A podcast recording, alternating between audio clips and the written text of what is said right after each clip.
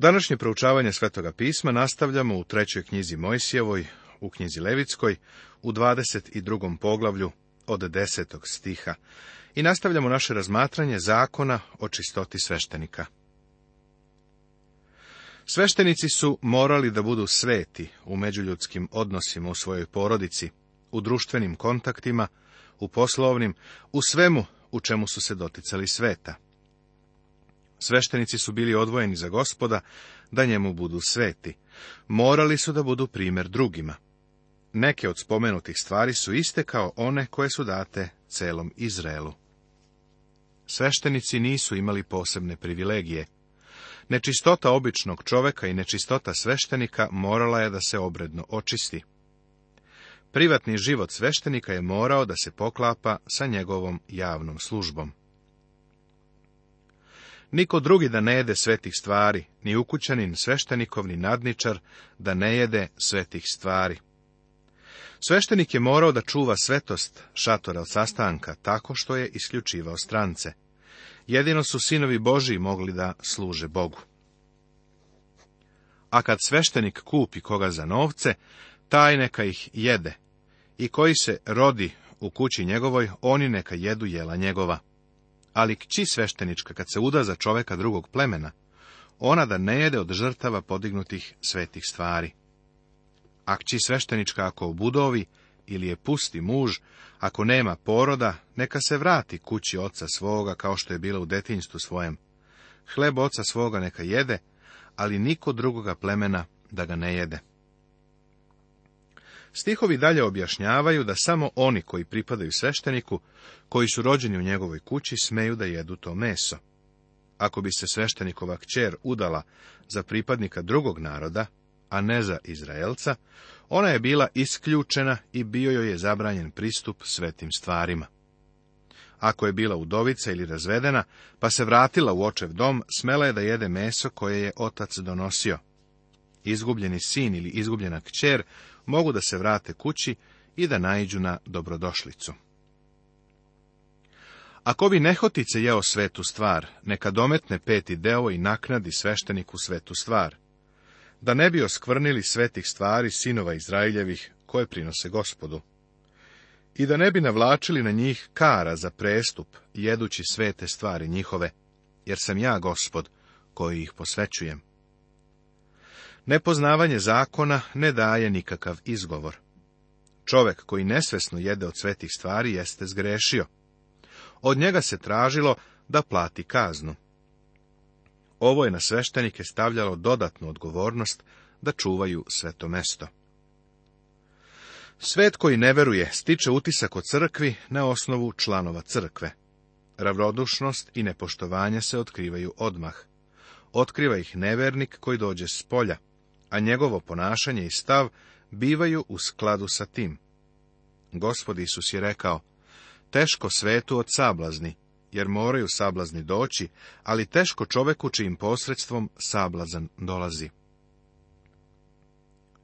Razaznavanje prinosa koje donose ljudi Još reče gospod Mojsiju govoreći, kaži Aronu i sinovima njegovim i svim sinovima Izraeljevim i reci im, Kogod od doma Izraeljeva ili između stranaca koji su u Izraelu, hoće da prinese žrtvu svoju po kakvom god zavetu svom ili od dobre volje svoje dar, što se prinosi gospodu na žrtvu paljenicu. Neka prinese drage volje muško zdravo od goveda ili od ovaca ili od koza. Na čem bi bila mana, ono ne prinosite, jer vam se ne bi primilo. Ovaj odeljak sadrži pravila i propise za ljude koji donose svoje žrtve i prinose, a te propise sveštenici moraju strogo poštovati. Propisi se odnose na ljude, ali se sprovođenje odnosi na sveštenike. Nijednoj žrtvi sa manom nije bilo dozvoljeno da bude prinesena, jer je žrtva ukazivala na Hrista. Svako udaljavanje od ovoga predstavljalo je niži koncept Hristove ličnosti i svetosti koju je Bog zahtevao. I kad ko hoće da prinese žrtvu zahvalnu gospodu, izvršujući zavet ili od svoje volje dajući dar, od goveda ili od sitne stoke, neka bude zdravo, da bi bilo primljeno. Nikake mane da nema na njemu. Slepo ili kojemu je što slomljeno ili odbijeno, ni gutavo, ni krastavo, ni lišajivo, što je takvo ne prinosite gospodu i ne mećite ih na oltar gospodnji na žrtvu ognjenu a vola ili ovcu ili kozu sa udom kojim prevelikim ili premalim možeš prineti za dobrovoljni dar, ali za zavet neće se primiti. Ujalovljeno uvrtanjem, tučenjem, kidanjem ili rezanjem ne prinosite gospodu i ne činite toga u zemlji svojoj. I iz ruke tuđinske nemojte uzimati ni jedne stvari da prinesete hleb Bogu svojemu, jer je kvar njihov u njima, imaju manu, neće vam se primiti. Još reče gospod Mojsiju govoreći. Tele i jagnje i jare kad se omladi, neka bude sedam dana kod majke svoje, pa od osmoga dana i posle bit će ugodno za žrtvu ognjenu gospodu. A krave ni ovce ni koze ne koljite u jedan dan sa mladetom njezinim. Prirodni deformiteti na životinji, kao i povrede, posekotine i slomljene kosti, smatrane su manama. Zbog bilo čega od svega ovoga, sveštenici su morali da odbiju životinju kao žrtvu. Nijedan stranac nije mogao da prinese žrtvu, a svaka životinja koja se prinosila na žrtvu morala je da bude stara bar sedam dana. Sedam predstavlja puninu. Morala je da proživi pun krug. Baš u ovome, u prinošenju na žrtvu životinje bez mane, Izrael je strašno pao donosili su na žrtvu Bogu ono što je bilo zaklano i hromo i bolesno, a Bog je pozivao proroke preko kojih je optuživao. To nalazimo u proroku u prvom poglavlju od 6. do 14. stiha. I kad prinosite gospodu žrtvu radi hvale, prinesite je dragovoljno. Neka se jede istoga dana i ne ostavljajte ništa do jutra. Ja sam gospod. Žrtva je morala da bude dobrovoljna. Ova vrsta žrtve je predstavljala oca koji je u ljubavi dao svoga sina, kao i sina koji je došao radi radosti koja je bila pred njim. Žrtva je morala istoga dana da se pojede. Nije smela da se ostavi ni najmanja mogućnost za kvarenje. Zato držite zapovesti moje i vršite ih. Ja sam gospod. I nemojte skvrniti svetoga imena mojega, i ja ću se svetiti među sinovima Izraeljevim, ja sam gospod, koji vas posvećujem. Koji sam vas izveo iz zemlje Misirske da vam budem Bog, ja sam gospod. Trebalo je da budu svedoci za Boga. Nisu morali da idu do kraja zemlje kao svedoci, kao što smo ti i ja danas pozvani. Oni su bili pozvani da služe Bogu kao narod. Dok su to radili, ceo svet bi dolazio u Jerusalim. Sveto Božje ime je trebalo da se predstavlja u svakom činu slavljenja. Šta je trebalo da ih motiviše na poslušnost? Doktor Bonar nam navodi pet razloga. Ja sam gospod. Ja ću se svetiti među sinovima Izraeljevim.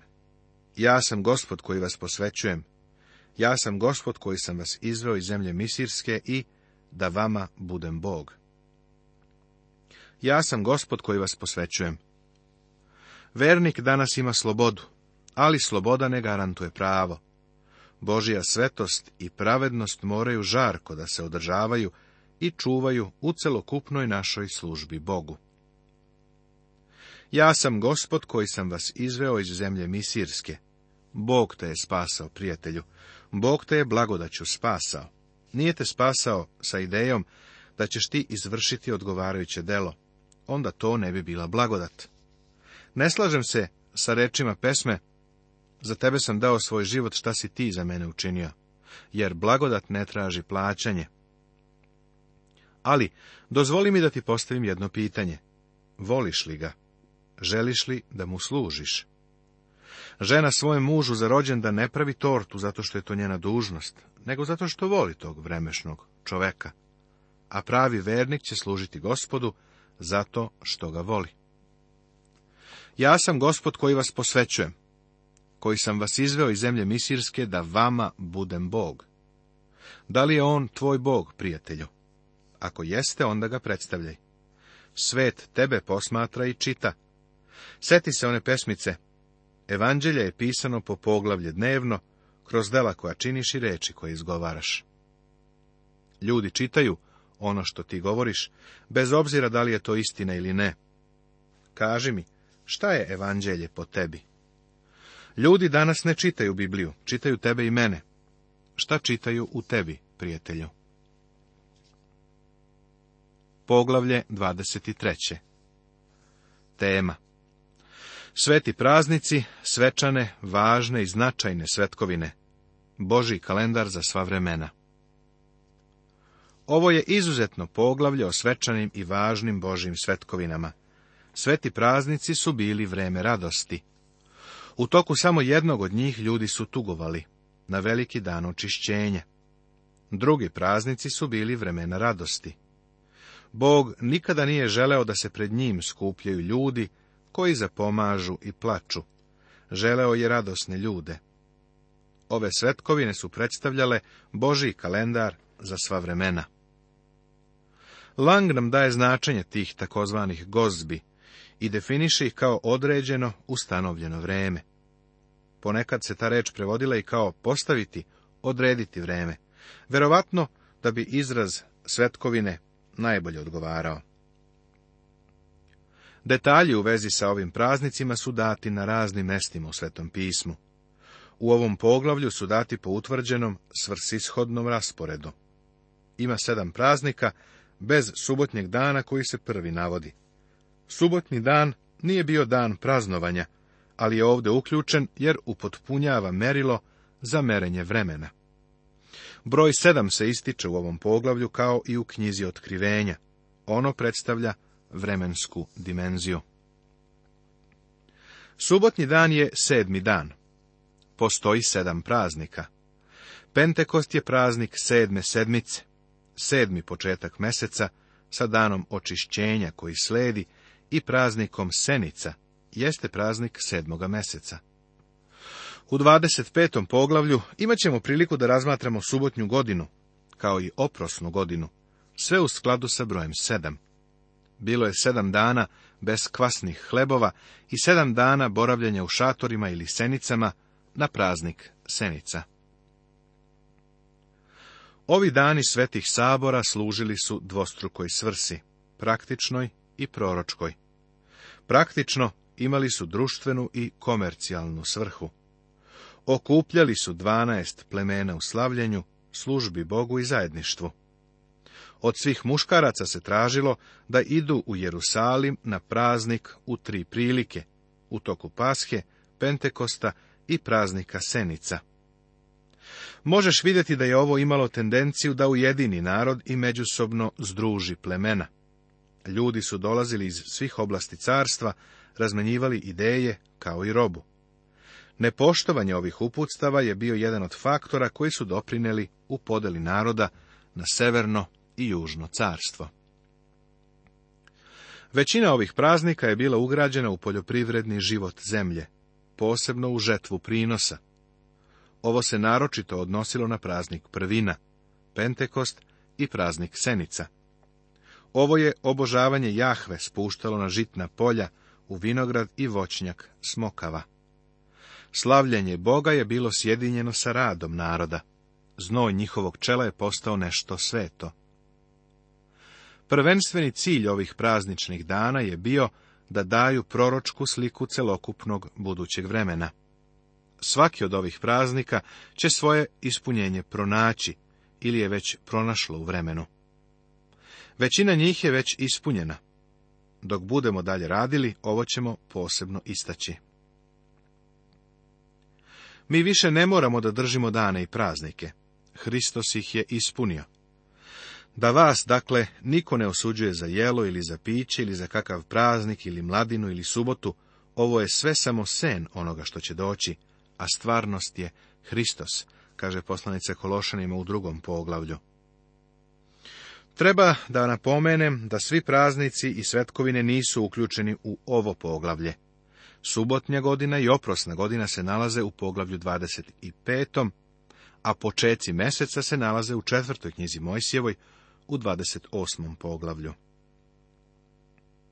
Pregled Sveti praznici svetkovine poglavlje 23. Prvo. Svetkovina subote stihovi od prvog do trećeg. Drugo. Svetkovina pashe, stihovi četvrti i peti. Treće. Svetkovina beskvasnih hlebova, stihovi od šestog do osmog. Četvrto. Svetkovina prvina, stihovi od devetog do četrnaestog. Peto. Svetkovina Pentekosta, stihovi od 15. do 22. Šesto. Svetkovina Spomen trubni, stihovi od 23. do 25. Sedmo. Svetkovina Velikog dana očišćenja, stihovi od 26. do 32. Osmo, Svetkovina Senica, stihovi od 33. do 44. Svetkovina Subote Još reče gospod Mojsiju govoreći, kaži sinovima Izraeljevim i reci im, praznici gospodnji, koje ćete zvati sveti sabori, ovo su praznici moji. Šest dana radi, a sedmi dan, koji je subota za počivanje, neka bude sveti sabor. Ne radite ni jednoga posla. Subota je gospodnja po svim stanovima vašim. Možda ćeš primetiti, dok budemo prolazili kroz ovu knjigu, da je Bog uvek svoje savete upućivao određenim ljudima. Dobro je zapaziti one kojima su saveti bili upućeni. On kaže Mojsiju kao zakonodavcu, a je potom govori narod. Iako je u sve to uključen šator od sastanka, sveštenici se ne spominju određeno. Narod treba da se okupi, a praznici da se uklope u godišnji kalendar Izraela. Svaka svetkovina je imala određeni posebni naglasak. Ovde nam je dato Božje proročko bavljenje i rad sa ljudima u vremenu. Svaki praznik predstavlja neki veliki događaj, u Božijem programu za svet. Pasha, Hristovo raspeće i smrt, beskvasni hlebovi, zajedništvo koje imamo sa Hristom, zahvaljujući njegovoj smrti. Prvine, Hristovo vaskrsenje, Pentekost, početak crkve, trubni dan, Izrael vraćen u svoju zemlju, što predstavlja budućnost. Veliki dan očišćenja, Hristovo delo na krstu za nas senice, vreme kada je Izrael u zemlji, opet budućnost. Sedmična subota ne može da se označi kao praznični dan. Ovo potiče još iz premojsijevskog doba, sve od vremena stvaranja. Izraelu je stalno ponavljano da slavi ovaj dan, a u petoj Mojsijevoj se daje i dodatni razlog za poštovanje toga dana. I pamti da si bio rob u zemlji Misirskoj, i gospod Bog tvoj izvedete odande rukom krepkom i mišicom podignutom. Zato ti je gospod Bog tvoj zapovedio da svetkuješ dan od odmora. Kada su bili robovi tamo u Egiptu, morali su da rade svakoga dana. Subotnji dan je povezan sa njihovim izbavljenjem. Sada, kada su izbavljeni iz Egipta, oni treba da izdvoje taj dan kao dan slavljenja gospoda treba da se prestane sa svakim radom i aktivnošću. Kada je prva crkva odvojila dan u sedmici, kada će se okupljati, izabrali su nedelju, prvi dan sedmice, jer je to bio dan kada je naš gospod ustao iz mrtvih. To je dan kada nam je obezbeđeno potpuno izbavljenje, koji je predan za naše grehe i podignut radi našeg opravdanja, kaže poslanica Rimljanima četvrto poglavlje. Subotni dan pripada starom stvorenju. Mi pripadamo novom stvorenju. Prema tome, ako je ko u Hristu, novo je stvorenje, staro je prošlo, vidi, postalo je novo, kaže druga poslanica Korinčanima u petom poglavlju. Mi Hrista poštujemo i tako što odvajamo prvi dan nedelje. Subota je bila kao merilo vremena za Izrael. Govorila je o prestanku svake vrste posla i aktivnosti i gledala je napred ka novoj sedmici kada će nastati novo stvorenje. Imala je i proročko značenje, jer je gledala na izbavljenje. Čovek je u prvom stvaranju izgubio svoj odmor, ali sada odmor primamo kroz izbavljenje. Znači, Božjem narodu preostaje subotni mir. Ko naime uđe u njegov mir, taj je počinuo od svojih dela, kao i Bog od svojih. Potrudimo se dakle da uđemo u taj mir, da niko ne padne primjerom iste neposlušnosti. Ovako kaže poslanica Jevrejima u četvrtom poglavlju. Naš odmor potiče od izbavljenja i jedino od izbavljenja. Postoji odmor za Boži narod. Šta je to? Naši gresi su oprošteni. Dođite k meni svi koji ste umorni i opterećeni i ja ću vas odmoriti. Odmor i izbavljenje predstavljaju dvostruki aspekt subotnjeg dana. Subotnji dan nije bio praznik, ugrađen je u sedmicu, a ne u godinu. On nije predstavljao praznik, nego odvajanje vremena.